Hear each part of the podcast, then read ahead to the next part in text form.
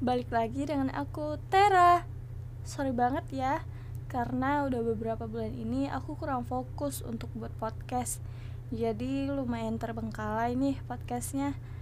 Hmm, tapi hari ini aku mau ngasih cerita yang seru buat kamu nih. Selamat mendengarkan.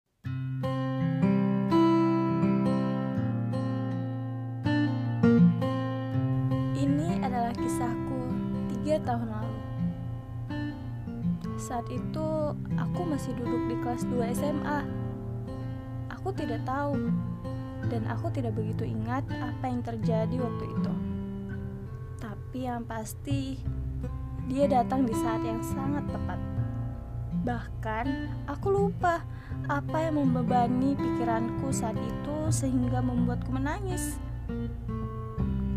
Dan seperti yang kubilang tadi, kedatangannya sangat tepat di saat aku butuh seseorang untuk menumpahkan semua rasa kecewa, sedih, putus asa, dan hal lain yang aku sendiri nggak tahu gimana menjabarkannya. Kenapa teh? Ia datang dan menyapaku dengan suara yang lembut dan juga rasa perhatiannya yang ia tujukan padaku. Dari pertanyaan itulah semua kisah kami dimulai. Dia mampu melukis senyum di dalam tangisku. Dia bagai pelangi yang datang setelah badai. Aku merasa sang pencipta mengirimnya untuk membantuku keluar dari situasiku saat ini. Sang pencipta mengirim pria tampan dengan gaya bicaranya yang membuat senyuman kecil akan terukir di tengah perih. Ryuchi namanya memang sedikit aneh, tapi saat ini itu tidak penting karena kehadirannya saja sudah cukup untukku. Nama hanyalah daftar listku yang ke-126 untuk menjadikan seseorang itu berharga. Sebenarnya ia adalah adik kelasku.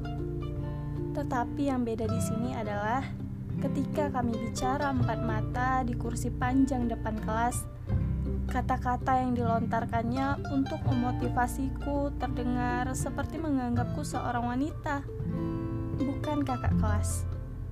Semua yang keluar dari mulutnya sangat benar, tertata, dan mampu membuatku melupakan masalahku sejenak. Lalu, sesaat aku mulai mengaguminya dengan caranya memperlakukanku seperti ini. Setelah perbincangan kami selesai, kami pun pulang. Ini mulai sedikit mengganggu, tapi aku suka. Wajahnya mulai terbayang untuk mengantarku tidur. Ucapannya terus bergema di telingaku. Ini hal yang aneh.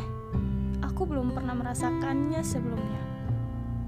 Kemudian aku tersadar Kenapa aku tidak meminta kontak atau semacamnya yang bisa membuatku menghubunginya? Dan gak lama kemudian setelah aku memikirkan hal itu, dering teleponku berbunyi. Ada pesan masuk dari nomor WhatsApp yang tidak dikenal, bahkan tidak ada foto profil yang bisa membuatku untuk mengenali pemilik pesan ini. Dan aku membuka detail profilnya. Ryuchi R Y U C H I tertulis jelas di sudut bawah kiri profilnya. Ini semakin aneh. Aku baru saja memikirkannya dan ia langsung menghubungiku. Getaran aneh menjalar di sekujur tubuhku. Aku mulai merasakan hal berbeda yang ada dalam diriku dan aku yakin pria ini penyebabnya. Dalam pesan itu, ia menanyakan kabarku. Mungkin dia khawatir, sebab pertemuan kami terakhir, ia melihatku berada pada posisi di mana aku sedang tidak baik-baik saja. Gimana kabarnya? Tanya pria itu untuk mengawali percakapan kami. Sedikit lebih baik, jawabku. Jangan sedih-sedih lagi ya, Iya, emang kenapa? bertanya-tanya lagi untuk mencari tahu perhatian macam apa yang diberikan pria ini padaku. Aku punya penyakit. Jawabnya yang sontak saja membuatku kaget. Hah? Penyakit apa? Saya tidak bisa melihat duka di mata Anda. Apaan sih? Aku yang sedang senyum-senyum sendiri di sini dengan jawaban pria ini terus berpikir apa yang sebenarnya ada di pikiran pria ini. Kemudian kami berbincang sedikit lama untuk memulai perkenalan sebab kami belum sempat melakukannya. Terakhir, kami bertemu, dia hanya mencoba menghiburku dari masalah yang sedang kuhadapi. Dan di sekolah, aku juga hanya tahu nama dan kelasnya saja. Karena kami satu organisasi dan itu bukan hal yang sulit untuk diingat kami semakin akrab. Mungkin juga saling menyimpan rasa. Tapi itu dari sudut pandangku. Aku tidak tahu jika dari sudut pandangnya. Ya, karena kedatangannya diundang oleh rasa prihatin, bukan rasa suka, sayang, atau cinta. Tapi saat ini, hal itu tidak terlalu membuatku khawatir. Sebab yang kufikirkan saat ini adalah menikmati kehadirannya yang mengisi hidupku. Ini terdengar sangat klise, tapi entah kenapa aku seperti mulai menyukainya. Pendekatan kami pun berjalan dengan sangat baik. Aku tidak mau membahas bagaimana proses kami saat situasi memastikan hubungan kami ke tahap pacaran. Ya, aku nggak mau aja Pokoknya, dia melakukannya dengan cara yang sangat romantis. Di tahap menjalani hubungan, semua berjalan dengan lancar dan baik. Ya, walau ada beberapa konflik yang kami hadapi, itu tidak jadi masalah. Semua perselisihan atau perdebatan sangat wajar ada di dalam suatu hubungan. Dia juga sering mengantarku pulang dengan sepeda motor yang dibawanya ke sekolah bersama saudara laki-lakinya. Jadi, waktu dia mengantarku pulang, saudaranya itu akan menunggu sebentar di sekolah. Ketika ia mengantarku, entah kenapa, ia selalu menolak kalau aku minta untuk turun di depan gang. Malah, selalu mengantarku sampai tepat di depan gerbang rumahku. Aku tidak tahu alasannya apa. Mungkin ia takut jika ada pria lain yang akan menggoda atau menggangguku jika ia hanya mengantarku sampai depan gang saja. Oh ya, dulu kami juga sempat ikut kumpul di sebuah acara. Aku lupa itu acara apa.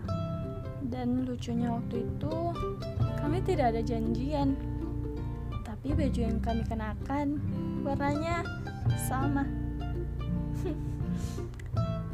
Karena beberapa orang yang ikut di dalam acara tersebut juga ada yang tahu tentang hubungan kami, kami sempat jadi bahan cie-ciean orang di sana. Ada juga salah satu temanku yang diam-diam mengambil foto saat kami sedang mengobrol.